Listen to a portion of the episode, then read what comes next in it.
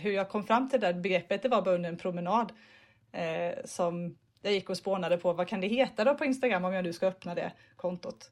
Eh, och då var det just att ja, men jag vill ha med att det ska vara både digitalt och analogt. Eh, och så funderade jag på digilog, är det ens ett ord? Och så fick jag ju googla det och insåg att ja, men det finns ju faktiskt några som använder det begreppet.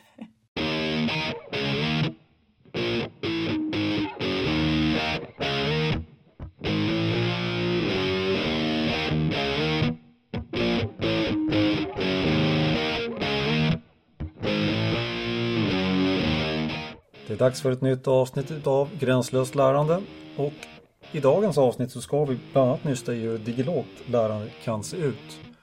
I vanlig ordning så är det jag, Niklas Lind och Peter Hjelm i studion och känner er varmt välkomna.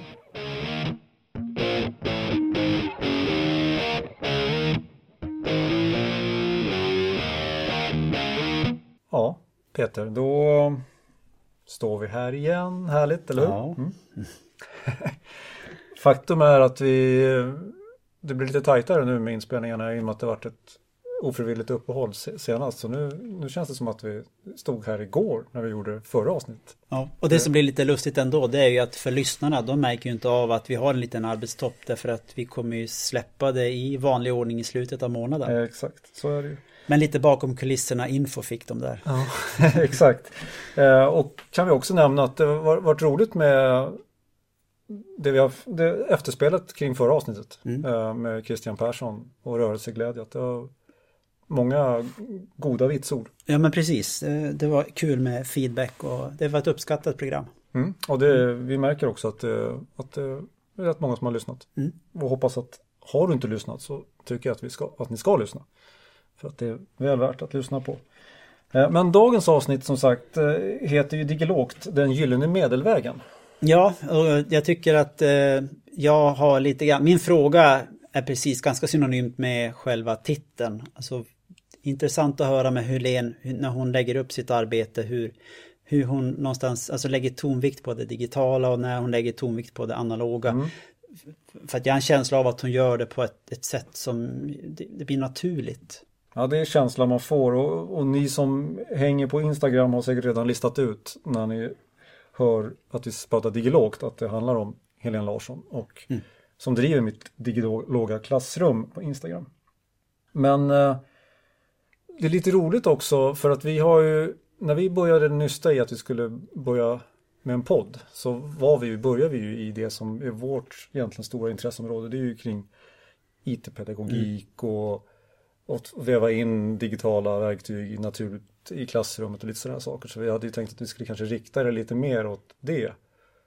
Och sen så tänkte vi om och vi döpte det till gränslöst lärande för att kunna bli lite bredare och sen faktum är att vi har, inte gjort något avsnitt som där vi riktigt har snöat in på det digitala. Nej, det fanns ju en tanke en gång i tiden att eh, vi skulle ha fokus på det multimodala lärandet och det tog, det tog 12 avsnitt kanske innan vi, vi landade i, i ett avsnitt på det temat. Ja, sen har vi i och för sig varit inne på multimodalt tema ändå Mm. lite grann sådär men inte med, med kanske det fokus som vi tror att vi kan hamna idag. Ja, precis. Och inte med någon, det är vår första IT-pedagog som vi har i programmet också. Ja, det är. Så att, eh, ja, det finns mycket att se fram emot. eh, Både för er lyssnare och eh, för oss. Och jag tror att vi ska släppa in Helene också i studion så vi kommer igång. Yes, det gör vi. Men först det här.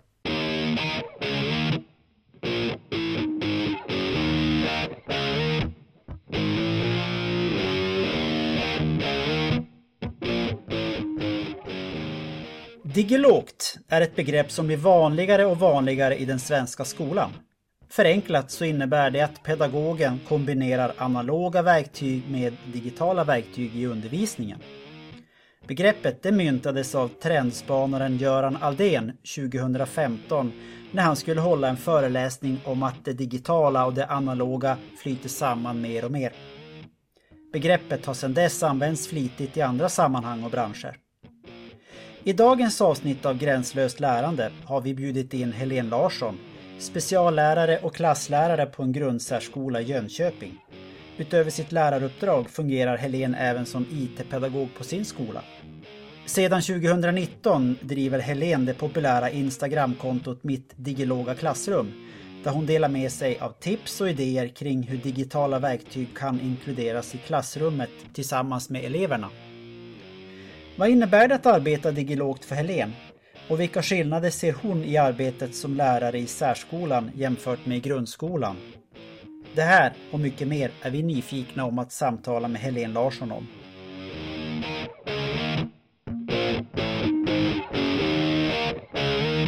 Nu Peter har vi fått in eh, Helene Larsson i studion. Varmt välkommen! Tack så mycket! Vi vet ju att du har lyssnat på några av våra avsnitt så att eh, då vet du säkert också att vi brukar inleda våra program med ett Google-parti. Eh, vi har ju googlat dig och du har kanske koll på vad som kommer komma men till exempel så, så driver du ju det populära Instagram-kontot Mitt Digiloga Klassrum.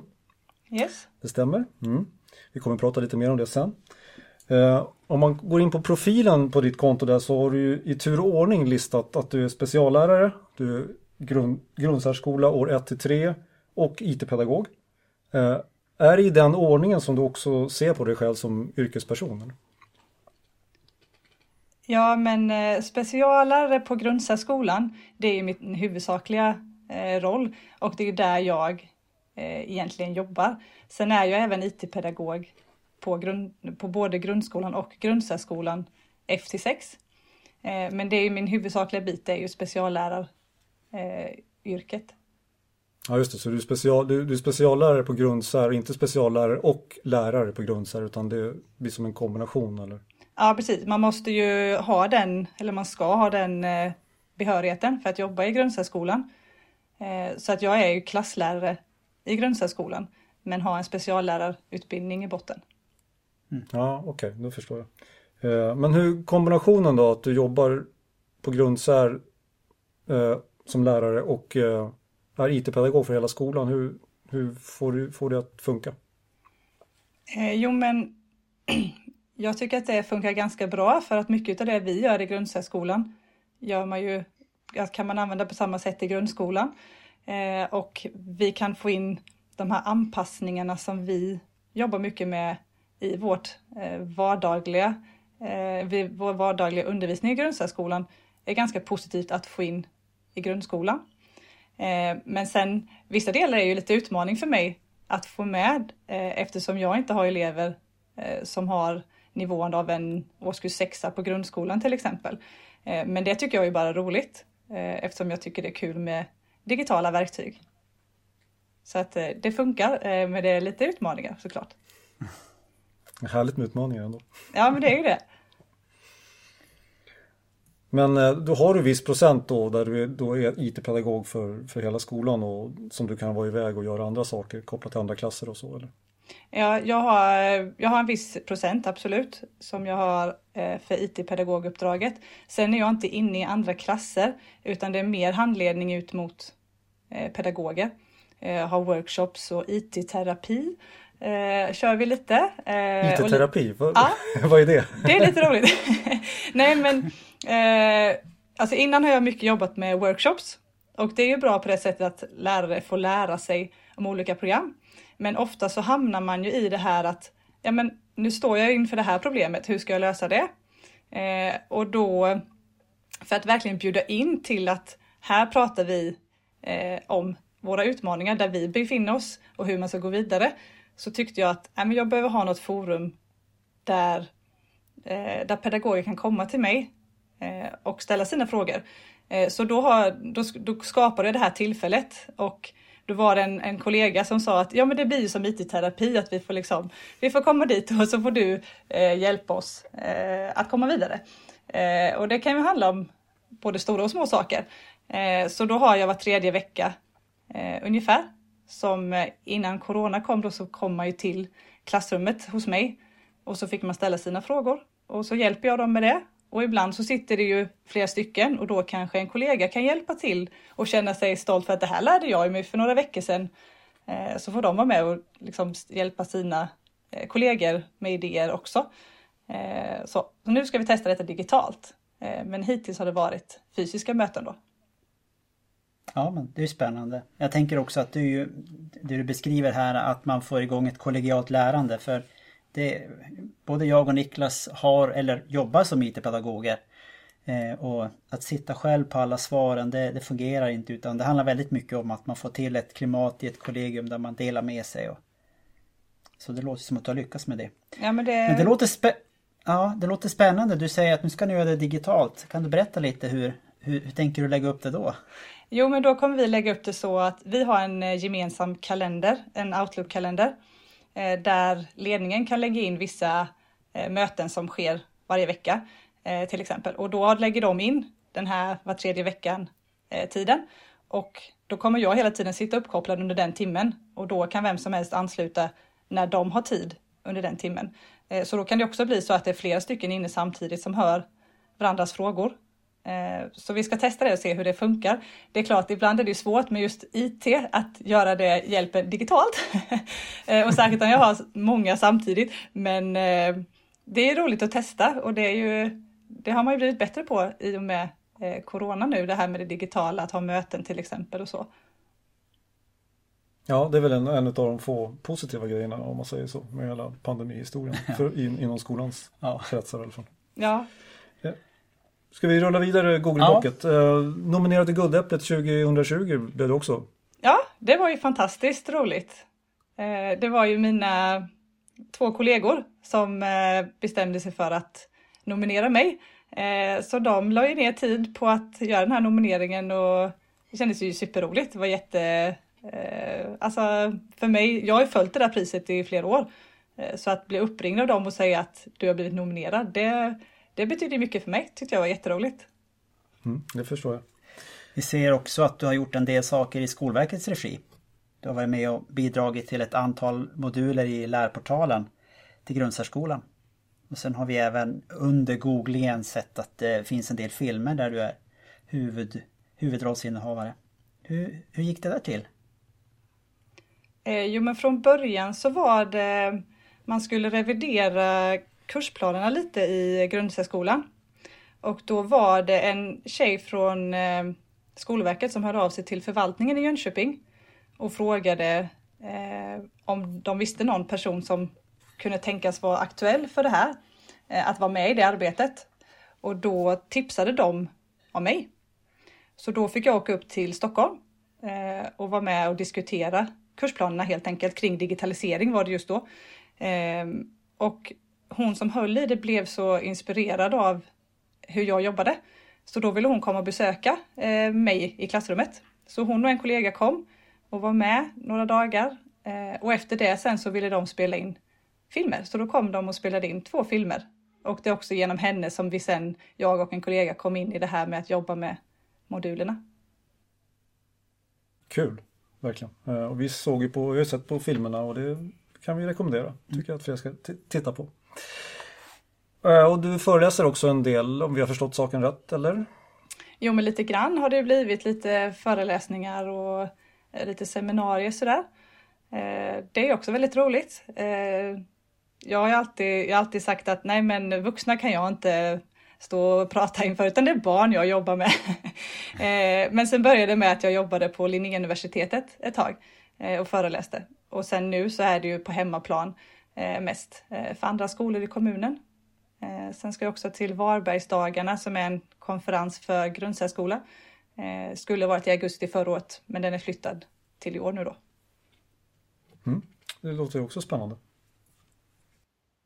Peter, det såg ut som att du hade någonting att lägga till. Ja, men jag måste ju ställa en fråga till dig Helene. Det är så att eh, nu, nu, nu, ska jag inte göra reklam för något märke, men jag vet att Advania ska ha en, en föreläsning eller seminarier i två dagar. Nu, det jag pratar om nu, det kommer ju ha skett efteråt programmet har släppts. Men visst ska du vara med där också? Ja, där ska jag också vara med. Ja. Det, är lite, det är lite så som ungefär som när ni hörde av er. Så tycker jag att ja, det här är roligt, jätteläskigt, men det är klart jag ska hoppa på för det är ju utmanande och det utvecklar ju mig. Eh, så att det var ungefär samma sak som när de hör av sig. Jag bara jajamän, det är jag med på. Eh, så det är ju imorgon nu då. Eh, och då är det ju en, det är ju seminarier med massa olika personer då. Så där ska jag vara med på en liten del. Och inte helt omöjligt att du kommer sitta i publiken då Peter, eller hur? Ja, För du har ju anmält dig dit. Jajamän. Mm. Trevligt. Men ja. har du hållit i några föreläsningar digitalt tidigare? Ja, eh, jag höll på en studiedag så höll jag just om digitala verktyg. Eh, så då var det två föreläsningar direkt efter varandra. Det var samma skola fast olika. Eh, det var 1-3 först och 4-6 sen. Eh, så då höll jag ju två stycken en och en halv timmes föreläsningar där. Eh, och det är ju speciellt. Man sitter med de här små rutorna och folk som sitter med sina hörlurar och sitter hemma i sin soffa kanske och så. Eh, men det funkade också och de eh, verkade nöjda. jo, det är lite annorlunda. Man behöver ha någon form av energi, lite mer energi sådär för att komma igång. Men ja, det var uppvärmningen. Vi, vi rullar vidare till själva huvudrätten. Hur självklart var det för dig att börja jobba inom skolan? Jo men eh, alltså som liten så drömde jag om att antingen bli bakgrundsdansare till eh, Sikta mot stjärnorna eller lärare.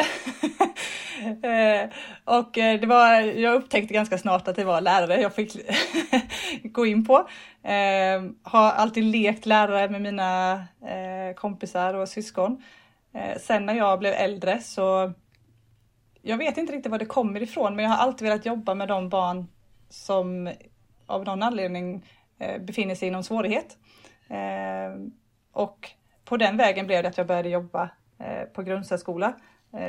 Egentligen ganska så direkt när jag hade blivit nyexad.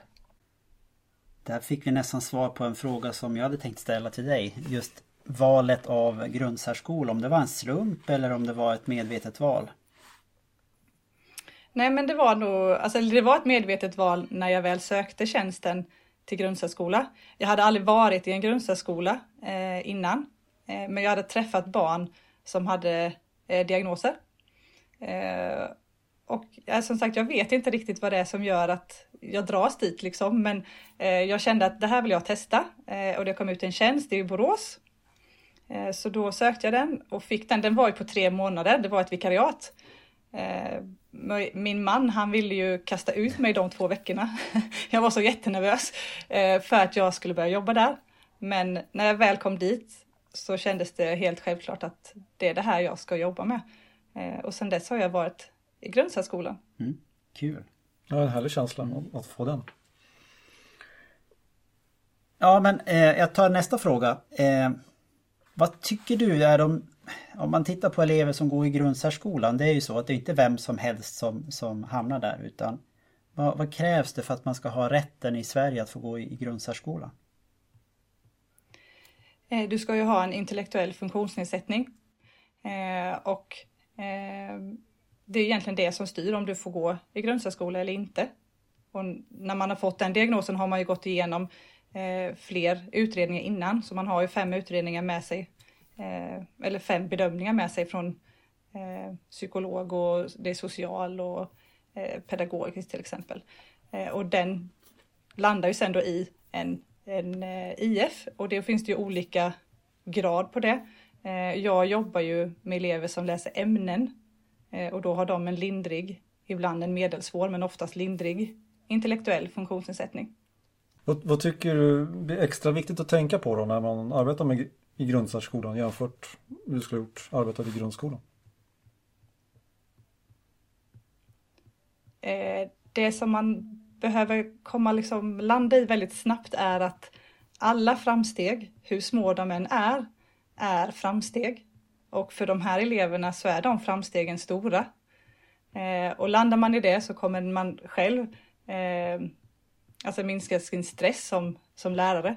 Eh, och vi har ju kunskapskrav som eleven ska uppnå också, precis som i grundskolan.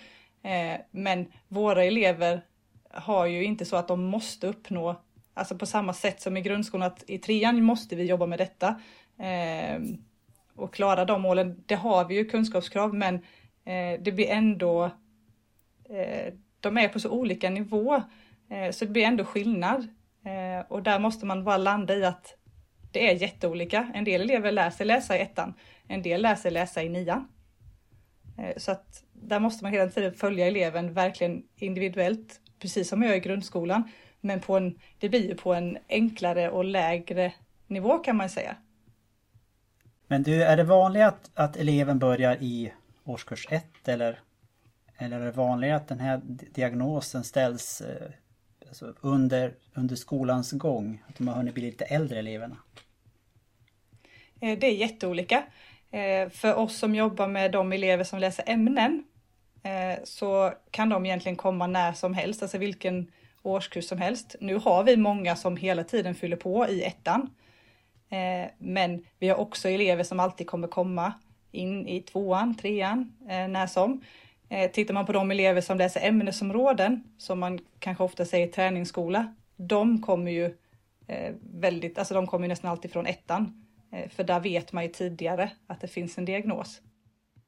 Och det tänker jag också beror på att ele- eller lärare, det här med att vi i ämnen har fått fler i ettan, det beror ju också på att lärare i grundskolan har blivit bättre på att identifiera eh, svårigheterna och att man utreder då eh, tidigare Eh, men sen finns ju de elever som går kvar i grundskolan. Dels för att de kanske inte har upptäckt diagnosen eller för att det funkar så pass bra för dem i grundskolan att hänga med så de går, eh, går kvar fast de läser kanske våran kursplan. Eh, och då kommer de kanske sen trean, fyran, femman någon gång. Jag tänker på någonting som, som slog oss när vi såg filmerna eh, från Skolverket där och som jag också har reflekterat över när jag följt ditt konto på Instagram är att Alltså kravbilden och liksom hur ni jobbar känns som att ni, ni gör inte så stor skillnad utan ni, ni liksom kör på. Hur, hur, går, hur går tankegångarna där? Jo men tittar man på kursplanerna så är ju våra kursplaner ganska lika grundskolans kursplaner. Vilket betyder att vi jobbar ju i stort sett med samma områden. Eh, vi jobbar med samma kunskapskrav fast på en lägre nivå. Eh, och vi har ju också höga förväntningar på våra elever, precis som man ska ha i grundskolan. Eh, och vi får ju hela tiden individanpassa såklart efter den grupp vi har, men vi försöker hela tiden att vi ska Eh, utveckla dem så långt som möjligt. Och därför tittar vi också på grundskolans kursplan. Är det här en elev som kan läsa ett ämne i grundskolan till exempel? Eh, så att vi får ju aldrig vara, liksom lägga något tak, att vi begränsar dem i sin utveckling. Eh, och då blir det ju att vi ska jobba med samma saker nästan som man gör i grundskolan. Och därför menar jag att det här att jag jobbar i grundsärskolan. Eh, jag tror att de flesta som följer mig på Instagram till exempel jobbar i grundskolan. För att vi kan jobba så mycket lika. Ja, det, ja jättebra tänk. Ja. jag. Det här med att väva in digitala verktyg på ett naturligt sätt i undervisningen, det, det, är fortfarande inte, det är fortfarande långt ifrån självklart för väldigt många pedagoger. Hur har din digitala resa sett ut? Alltså du befinner dig där du befinner dig idag men du tog säkert också dina första trevande steg. Kan du berätta lite? Precis. jo men eh, när jag började som lärare då hade vi en stationär dator i klassrummet. Eh, det var nog ungefär det digitala verktyg jag hade. Var, var, eh, var år, ungefär vilket år pratar vi om nu då? Eh, det tror jag var, vad kan det vara, 06? Kanske, någonstans där. Och då fick man ju rätta sig, alltså man fick ju gå, utgå från det såklart. Eh, och vi hade ju vissa program på datorn och de användes ju, men det blir inte samma naturlighet i det användandet som jag har nu. Eh, utan det blev ju mer att ja, men nu ska du få sitta vid datorn och sen nästa lektion så får nästa elev sitta där eller du behöver sitta där mer och då får du sitta där. Det blir mer exkluderande att en elev kanske var tvungen att använda den enda datorn vi hade. Eh, sen när, vi, när jag började jobba eh, några år senare i Jönköping eh, så började man satsa på att vi skulle ha eh, lärplattor i vår undervisning och då fick vi en till att börja med då eh, per klass. Ehm, och då var det ju så här, jag hade själv haft en eh, iPad hemma. Och då ska man ju testa allt. Ja men det här är roligt och det här är jätteroligt. Den måste jag ju använda och den måste jag använda. Och då går man ju på sina nitar. Att ja, den tyckte jag var jätterolig men den funkar ju inte jättebra i undervisningen. Eh, och det tänker jag att det är så här lätt att man gör det när man väl ska börja jobba med det, att man ska testa så mycket. Eh, och där liksom landade jag till slut i att ja, men nu ska jag använda den här appen till exempel eh, och jobba vidare med den så att jag blir riktigt duktig på att använda den och kanske i flera olika ämnen. Jag behöver ju inte ha tre olika appar eh, i varje ämne utan man kan använda samma app eh, i många olika ämnen. Ehm, och jag gör ju fortfarande så att jag testar vissa som jag tror är bra och så visar det att ja, den kanske inte var bättre än den förra jag hade. Ehm, men jag är inte lika het liksom nu på att dra in vad som helst liksom som jag gjorde i början var det mer så eh, att man ville testa sig fram eh, på allt. Liksom. Precis, det är, inte som, det är inte appen som är lektionen utan det är hur man kan använda den på ett naturligt sätt i, i undervisningen som, som jag tycker att du också är så, Ja, så bra på att visa på Instagram. Bland annat. Men eh, du har ju som också, digilog har ju som blivit någon, någon form av begrepp som, som, som du har gjort. Eh, vad ska säga, det är, det är inte ditt begrepp men, men ditt ansikte på något sätt blir, blir ju för digilog. Eh, Hur kom du, liksom, hur kom du fram till det och att, att det är det här, den här mixen som gäller? Eh, nej men det har nog varit för att i olika, när jag har haft föreläsningar eller workshops, Eh, så handlade, har det ju alltid handlat då om, alltså fokus har varit digitala verktyg. Eh, och då märker man på frågor som ställs och kommentarer som kommer att ja, men vi kan ju inte plocka bort allt analoga. Och det är inte det, alltså jag men, har aldrig menat att man ska plocka bort analoga, utan för mig är det lika viktigt att ha både analogt och digitalt. För när vi använder det tillsammans, då kommer vi att kunna eh, individualisera bättre. Vi kommer att få fler elever att lyckas, att nå målen och utvecklas längre. Eh, och då blir det så här digilogt, det blir att ja, det är lika viktigt för mig att ha papper och penna som att ha digitala verktyg och att jobba med det tillsammans då. Eh, och sen var det hur jag kom fram till det där begreppet, det var bara under en promenad eh, som jag gick och spånade på vad kan det heta då på Instagram om jag nu ska öppna det kontot. Eh, och då var det just att ja, men jag vill ha med att det ska vara både digitalt och analogt. Eh, och så funderade jag på digilog, är det ens ett ord? Och så fick jag ju googla det och insåg att ja, men det finns ju faktiskt några som använder det begreppet. Och då är vi ju väldigt nyfikna Peter på hur kan du ge ett konkret exempel på hur en lektion kan se ut som, som blir digi, digilog? ja, det finns ju så många. eh, jo, men Och sen, jag tänker också, man behöver inte tänka specifikt en lektion. Det kan ju vara ett arbetsområde Ja, också som absolut. spänner sig över en längre tid. om man tar så här jätteenkelt, eh, alltså på ett jätteenkelt sätt som man kan använda digitalt och analogt, är när eleverna ska jobba med ett, eh, arbets, eh, ett arbetsblad. Så har jag det arbetsbladet kanske på min interaktiva tavla. Och då kan vi jobba först med det gemensamt, att vi drar sakerna till rätt plats ifall det är det man ska göra. Eller att vi skriver, vi kan rita och modellera. Eh, och sen så jobbar eleverna med det individuellt. Och sen har man då det här vi har gjort digitalt. Den kan jag ju skriva ut om det är till exempel en elev som inte har varit med på den lektionen. Då kan den eleven få det i sin eh, göra klart-mapp, kallar, kallar jag det. Eh, då finns den där som ett underlag eh, för den. Och det är ju också smidigt att kunna spara med sig det här som vi har gjort på lektionen till ett annat tillfälle till exempel. Så det är ju ett sånt väldigt eh, konkret, eh, alltså enkelt sätt som man bara jobbar med interaktiv tavla och arbetsblad. Eh, Men sen är det ju mycket, tycker jag, i det digiloga att man använder, man försöker få in flera olika eh, medier. Det kan vara bilder och det kan vara att vi gör, alltså vi har autentiska saker i klassrummet. Men sen tar vi stöd av digitala, eh, till exempel en digital tallinje för att kunna markera på tallinjen. Eh, och så har vi kanske en film som visar detta. Så man drar in, vi väver in mycket olika eh, arbetssätt som är både digitala och analoga. Ja, det är, jag tror att resultatet blir att det gagnar fler elever också därför att vi lär ju på så väldigt många olika sätt. Men jag tror det handlar mycket om att du oavsett vad vi jobbar med i skolan så gör vi det på ett medvetet och strukturerat sätt. Och att det blir tydligt med eleverna. Då, då blir det där någonting naturligt i, i klassrummet också. Så det är väl dit man skulle vilja komma i skolan. I ännu större utsträckning. Ja, precis. Jo, det blir ju lite att eh, om vi bara drar in de digitala verktygen om vi ska spela Kahoot eller vi ska göra något så här riktigt roligt så, då blir det ju inte det här naturliga. Eh, som papper och penna vet alla att det jobbar vi med i skolan. Men att jag ska använda eh, en, en lärplatta till exempel när jag ska dokumentera. Om jag inte fått gjort det i flera olika ämnen så är det svårt att tänka att ja, det här är det bästa sättet för mig. För jag har inte fått använda det eh, så mycket. Eh, och där vill jag ju gärna få in eleverna att de kan vara med och vara delaktiga i hur vill jag eh, visa min kunskap eller hur vill jag få materialet presenterat för mig. Eh, så kan jag anpassa min undervisning eller liksom ta in olika delar som jag vet att eh, den här elevgruppen eh, läser av.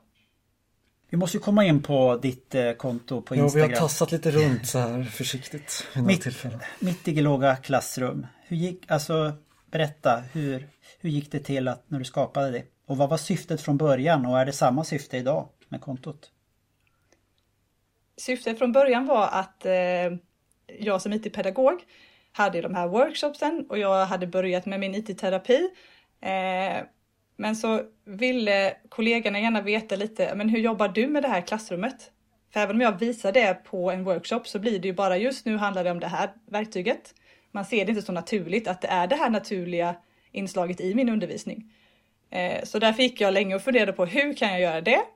Och funderade på, ska jag starta ett Instagramkonto? Är det någonting verkligen? Ska jag verkligen göra det? Kommer de titta på det?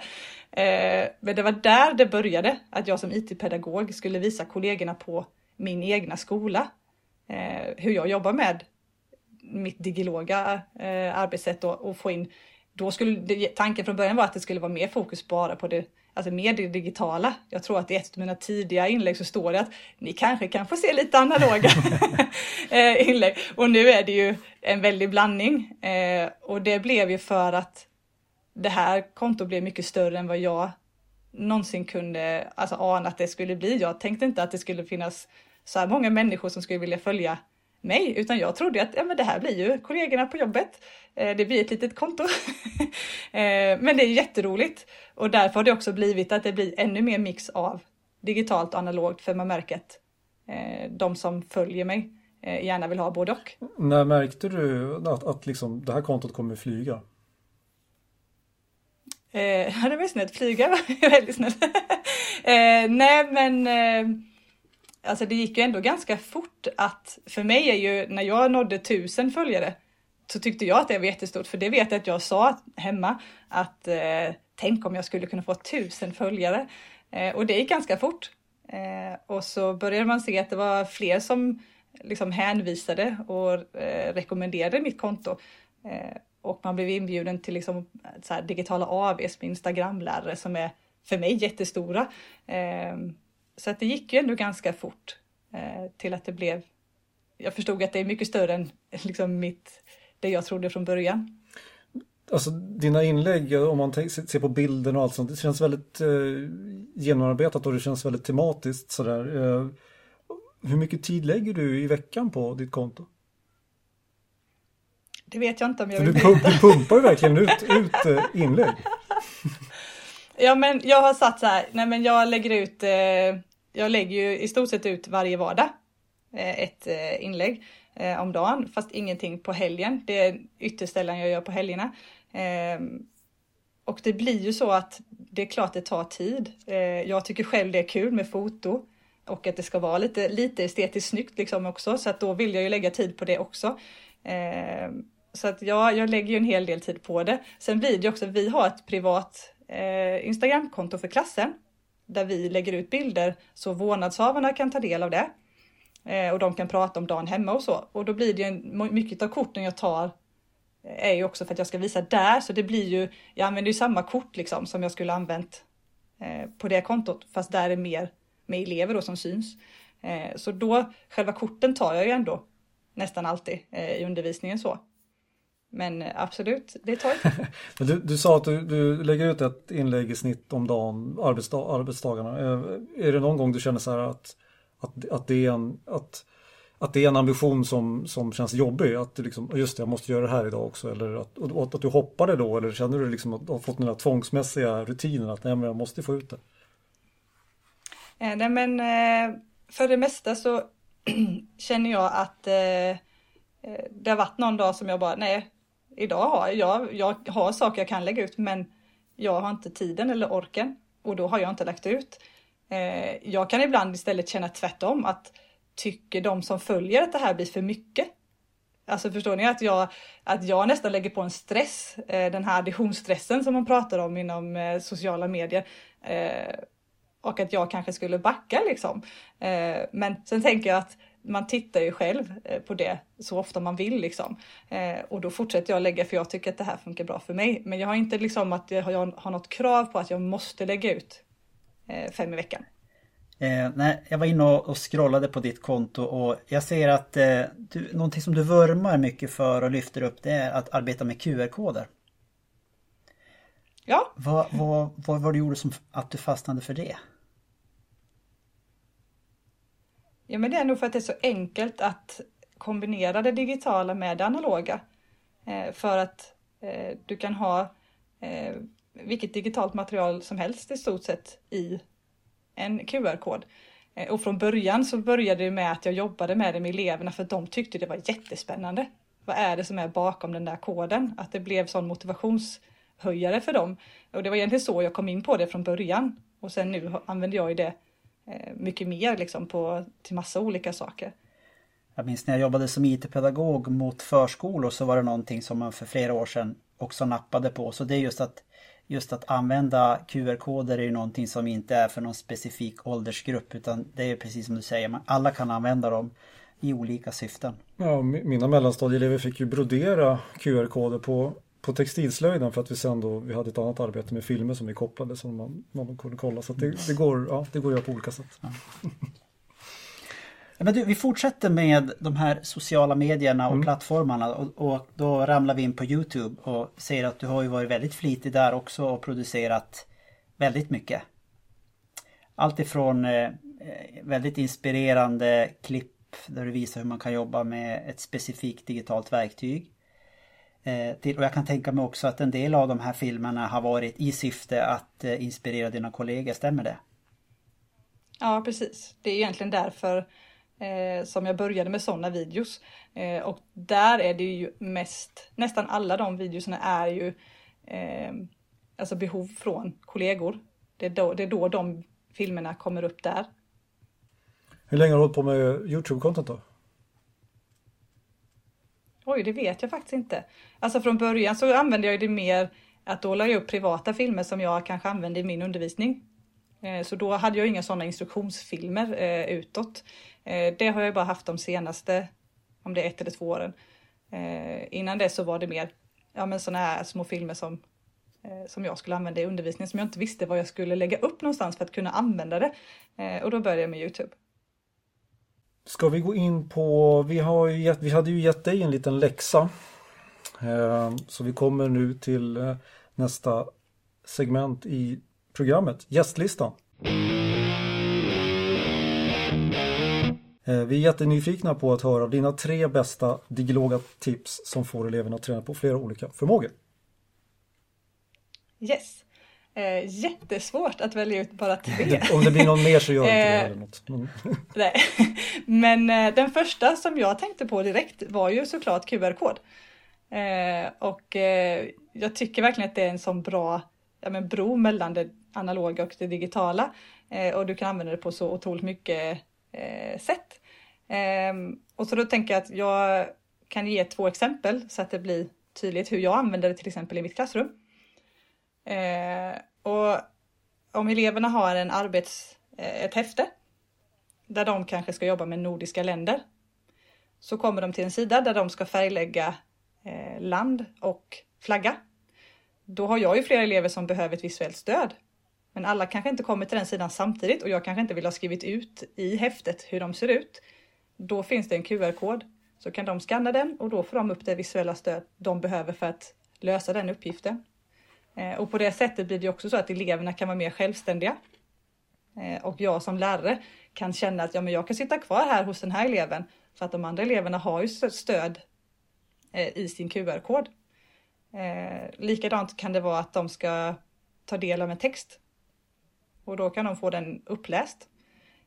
Och sen så kan de då kanske välja ut några ord eller skriva någon mening och då har de den texten kanske i en QR-kod för att kunna få den uppläst men själva häftet är analogt. Bra! Två pedagogiska tips mm. till lärare ute i landet. Super! Vi är nyfikna på fortsättningen.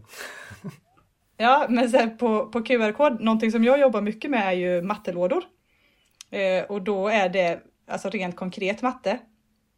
Så de jobbar med, de hämtar låda nummer två eh, kanske och eh, i den finns en, en uppgift som ska lösas med konkret material. Och för att lösa den så kan man skanna en QR-kod för att få den första QR-koden gå till en muntlig instruktion som jag har spelat in. Och bara för att det ska bli lite roligare så har jag spelat in mig själv med filter. Jag tycker det är jätteroligt att jag har olika frisyrer och allt möjligt. Eh, men sen finns det en till eh, QR-kod. För det är inte alla som kan ta en muntlig eh, instruktion utan de behöver mer stöd än så. Och då i nästa QR-kod så har jag utfört hela uppgiften och så har jag spelat in det. Och då kan de se hur det är tänkt att man ska utföra den. Eh, så första gången de tar den här lådan kanske de behöver skanna båda koderna eh, och se den här filmen flera gånger för att kunna vara självständiga i sitt arbete. Eh, nästa gång kanske de bara behöver den muntliga instruktionen och sen så kanske de kan utföra uppgiften själva. Så det blir också ett sånt här sätt att jobba på självständighet, men också att man som lärare får, liksom, man får lite extra hjälp i klassrummet kan man säga, för de kan själva hitta hjälp i QR-koden. Suveränt. Mm. Eh, så det tänker jag att det är det första, det är QR-kod.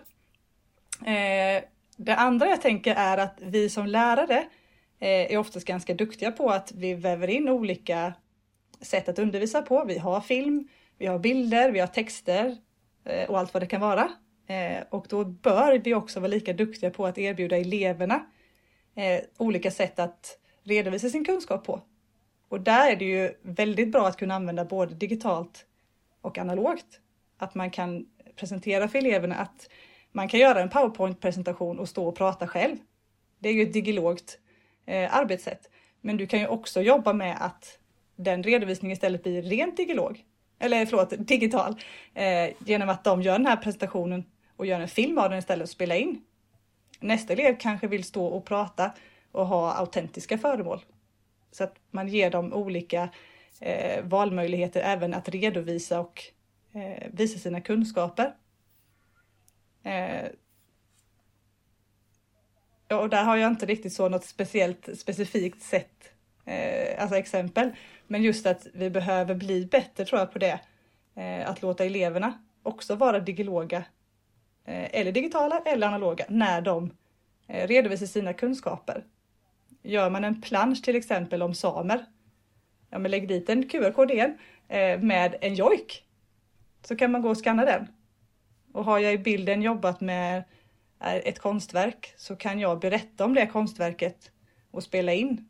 Eh, och likadant där, då kan jag lägga det som en QR-kod till exempel. Och, och, ele eh, och eleverna får... kan få jojka på musiken så det, det är ju...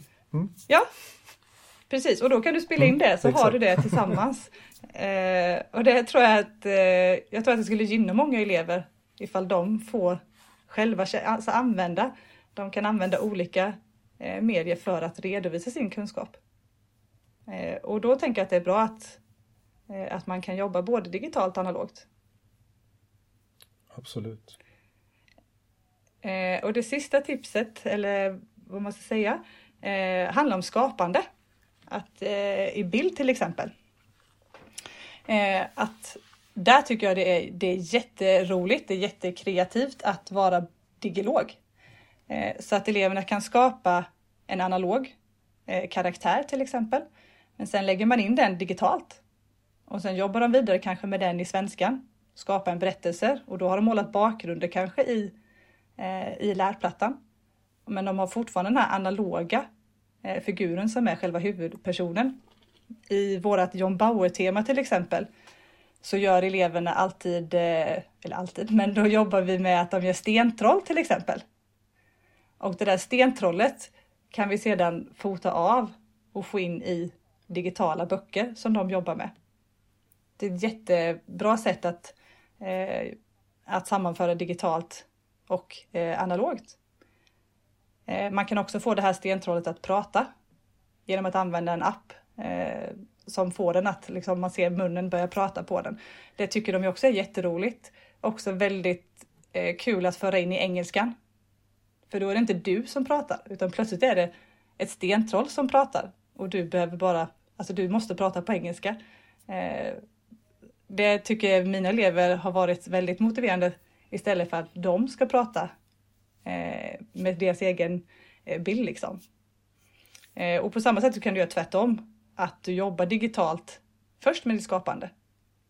Och sen skriver du ut det och sen kan du jobba vidare med det analogt, till exempel med ordmoln som du skapar i en app eller en webbtjänst.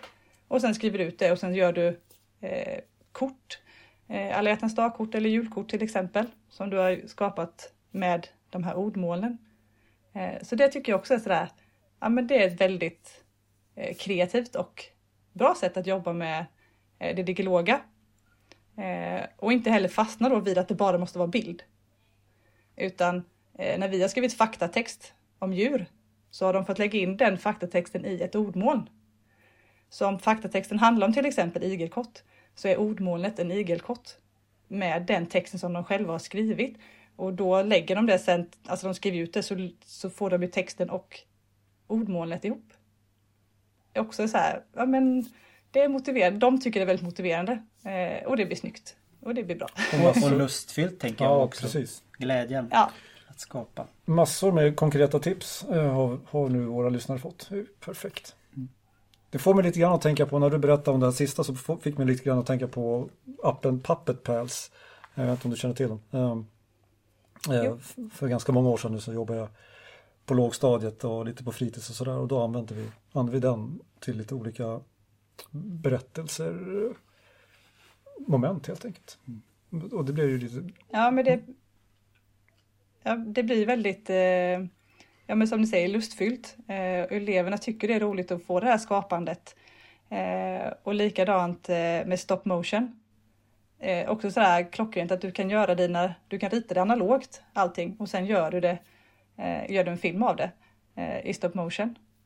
Också så här superenkelt, alltså eleverna lär ju sig det jättefort.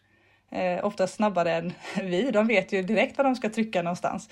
Eh, och resultaten blir ju väldigt, eh, väldigt bra. De blir oftast väldigt stolta över det eh, och vill gärna visa eh, andra vad de har gjort. Eh, och då kan vi ibland ha så här, eh, filmvisningar eh, för någon annan klass till exempel. När de har gjort, de gjorde till exempel en saga i Book Creator eh, där de har målat både analogt och digitalt och de har ju spelat in ljud på musiken, eh, ljudeffekter till den här boken. Eh, och sen får de visa upp det för andra klasser och de växer ju massvis på det. Det är ju just det där med också att ta ett steg till, att de får visa upp det för andra, göra det på riktigt. Det brukar ju oftast vara väldigt lyckat. Mm, och jag, jag tänker tillbaks, vi hade en intervju med Adam Palmqvist här ja, för några avsnitt tidigare och där vi pratade mycket om motivation. Vi pratade om att eleverna ska vara mer av producenter och inte konsumera, om vi nu pratar det digitala. Prosumenter var det Prosumenter också. Det här är ett bra exempel på där eleverna blir medskapare och inte bara passivt ta till sig någonting. Det finns bra appar där också när man ska lära sig utan till träning men det du beskriver här det, det, det, det låter vackert i mina öron. Mm. Och just när man jobbar med stop motion är det också, för då, då kan man ju jobba med, med lera. Man kan, man kan bygga figurerna så eller bygga med lego eller ja, du kan göra andra typer. Det behöver inte bara vara att man ska rita något utan det, det finns väldigt stora variationsmöjligheter med det. Ja, ska vi gå vidare Peter? Nästa uppgift som också var lite av en tänka till läxa till dig, eller läxa ska jag inte säga, det låter så himla stramt. Ja, det gör det. Det är ju så att eh, jag och Niklas som driver den här podden, vi, vi vill ju gärna få in eh, tips på eh, spännande gäster inför framtida program. Har du någon önskegäst? Jo, men jag skulle tycka att Andreas Jonsson skulle vara intressant. Han finns både på eh, webben med hemsida och på Instagram som andreasjonsson.se. Eh, och han föreläser, han föreläser både för vuxna och eh, för unga eh, om eh, eh alltså allas lika värde och att om han föreläser mycket om mobbning och eh, diskriminering och kränkningar eh, och att eh, ja, men fördomsproblematik och genus och så. Eh, så jag tror att alltså han står ju för att eh, tolerans mot det okända. Alltså att, det ska vara, att vi behöver ha en större tolerans mot det okända. Eh, och det tror jag är jätteviktigt. Och jag tror att det skulle kunna bli ett riktigt, riktigt bra program som är bra både för lärare men även för unga eh, att lyssna på. Eh, så det, det är mitt tips. Det tar vi emot. tar vi Tack. tacksamt emot faktiskt. Eh, sen har vi faktiskt en liten eh, en liten eh, speciell grej idag eh, som vi inte haft tidigare.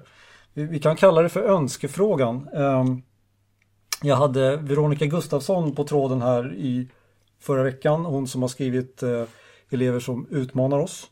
Bland annat. Vi hade henne som gäst i, eh, i höstas. Mm. Eh, och ja, det kom på tal att vi skulle träffa dig. Och då blev hon lite nyfiken och ville skicka med en fråga. Så hon ville, hon ville liksom höra lite grann från dig. Det här med att använda bildstöd och vilka vinster du, du ser med att använda just bildstöd. Eh, jag använder ganska mycket visuellt stöd, eh, bland annat i form av bildstöd. Eh, och eh, jag ser ju att många elever, alltså det här talade, vi pratar och pratar och pratar. Det är inte alls lika lätt att det fastnar eh, hos eleverna. De förstår kanske inte alltid allt vi säger, eh, utan de behöver ha det här visuella stödet. Eh, och sen är det ju så att de flesta utav oss tänker ju och minns i bilder. Eh, Och att du då får koppla ihop. Det kan vara eh, skriven text tillsammans med en bild. Eh, Så kommer du lättare komma ihåg det. Eh, Så jag tycker att det är jätteviktigt. Sen får man ju inte liksom tänka att det måste vara bildstöd i allt. Och vi ska plottra sönder våra papper med bildstöd. Men eh, man kan jämföra papper som är utskrivna bara med eh, ord, alltså skrivet ord. Och samma fast det också ligger en bild. Eh, och jag kan säga att jag har mycket lättare att komma ihåg de sakerna som jag har sett med bild. För att min hjärna direkt liksom, ja just det, det var ju den där bilden. Eh, så jag tror ju att det är jätteviktigt. Sen får man ju tänka att visuellt stöd behöver ju inte alltid vara de här avskalade bilderna. Till exempel imprintbilder använder vi väldigt mycket i vår undervisning. Det är ju inte bara det som är bildstöd. Utan du kan använda emojis. Det är också ett typ av bildstöd. Eh, och filmer är också ett visuellt stöd. Eh, så visuellt stöd i det stora tycker jag är jätteviktigt. Eh, och jag är jätteglad av att jag ser att det har kommit in mer i grundskolan. För från början var det mycket så här, ja, ja, det gör man på särskolan. Alltså lite så var det ju faktiskt. Eh, sen var det många förskolor som hakade på att ha bildstöd, till exempel som schema. Eh, och nu så kommer det ju mer och mer in till grundskolan också. Man ser att det är fler eh, lärare på både låg och mellan eh, och högstadiet som använder eh, bildstöd. Eh, vilket jag tycker är jättepositivt. Så det vill jag verkligen slå ett slag för.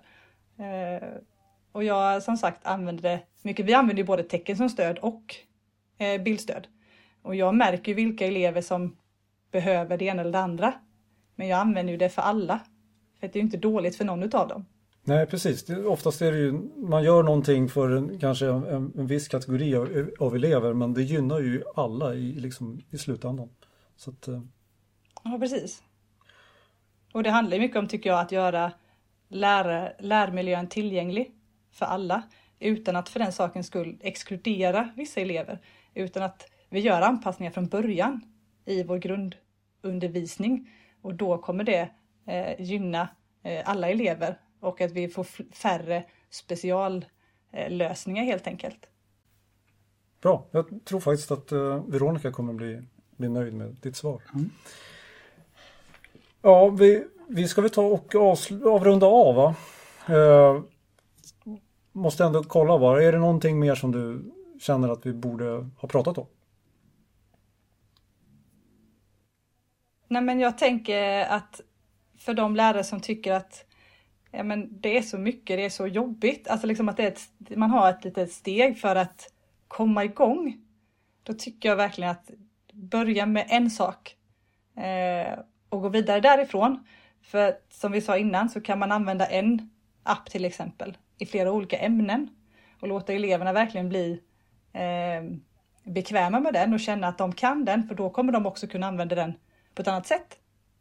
Eh, och det tycker jag är så här, ja men jag märker av eh, pedagoger som det är, det är stressande för dem att det är så mycket digitalt nu.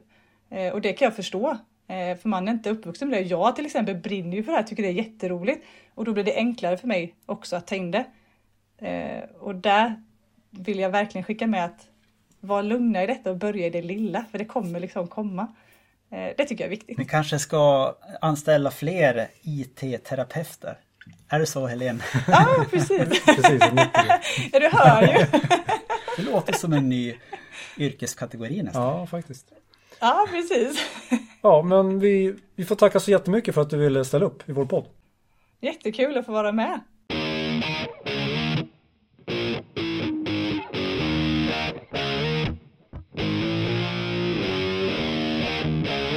Då har vi sagt hej då till Helen och eh, vi är åter själva i studion Peter. Mm. Eh, Ja, tankar, reflektioner efter den här intervjun. Ja, men jag fastnar ju för, för ordet IT-terapi. jag tycker ju att det lät ju som en intressant eh, framkomlig väg. Själv jobbat som IT-pedagog och man har, man har hållit i större workshops och större gemensamma samlingar.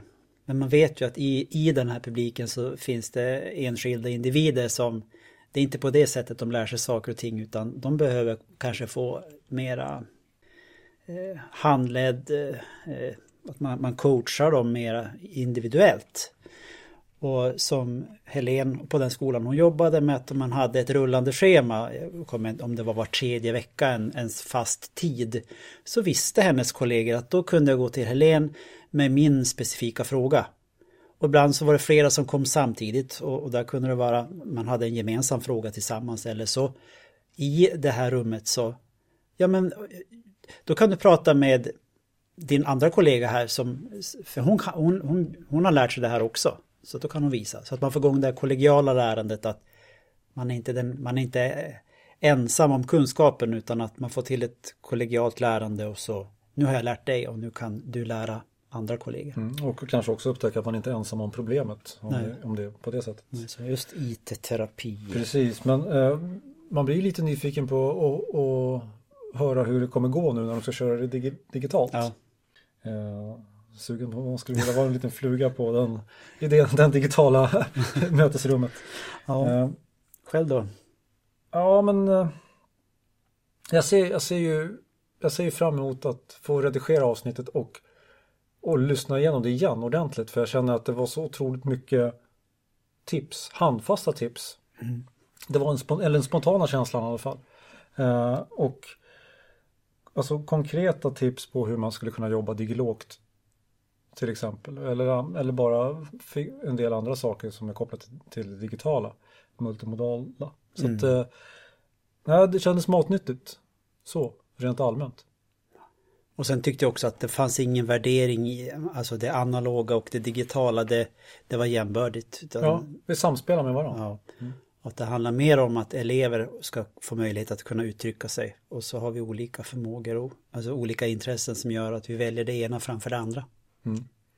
Eh, Och sen, eh, jag tycker det är lite kul att hon också lite extra trycker på det här med QR-koder för att eh, ja, men jag har själv använt utav QR-koder i olika sammanhang och på olika sätt. Eh, Och, eh, ja, och hon gör det verkligen brett. Eh, Och det finns mycket att hämta där. Så det, det tycker jag var kul att höra. Har du något mer? Nej, inget sådär spontant som jag kommer på. Men, men som du säger, man, jag kommer att lyssna igenom det här avsnittet igen just för att just de här konkreta handfasta tipsen. Så att jag, jag stannar nog där. Eh, bildstödet som hon också fick, den, den eh, frågan som vi skickade med via Veronica Gustafsson tycker jag också var att hon gav ett ganska uttömmande svar på. Eh, och också att det verkligen inte bara är till för en viss typ av elever utan det gynnar verkligen allihopa.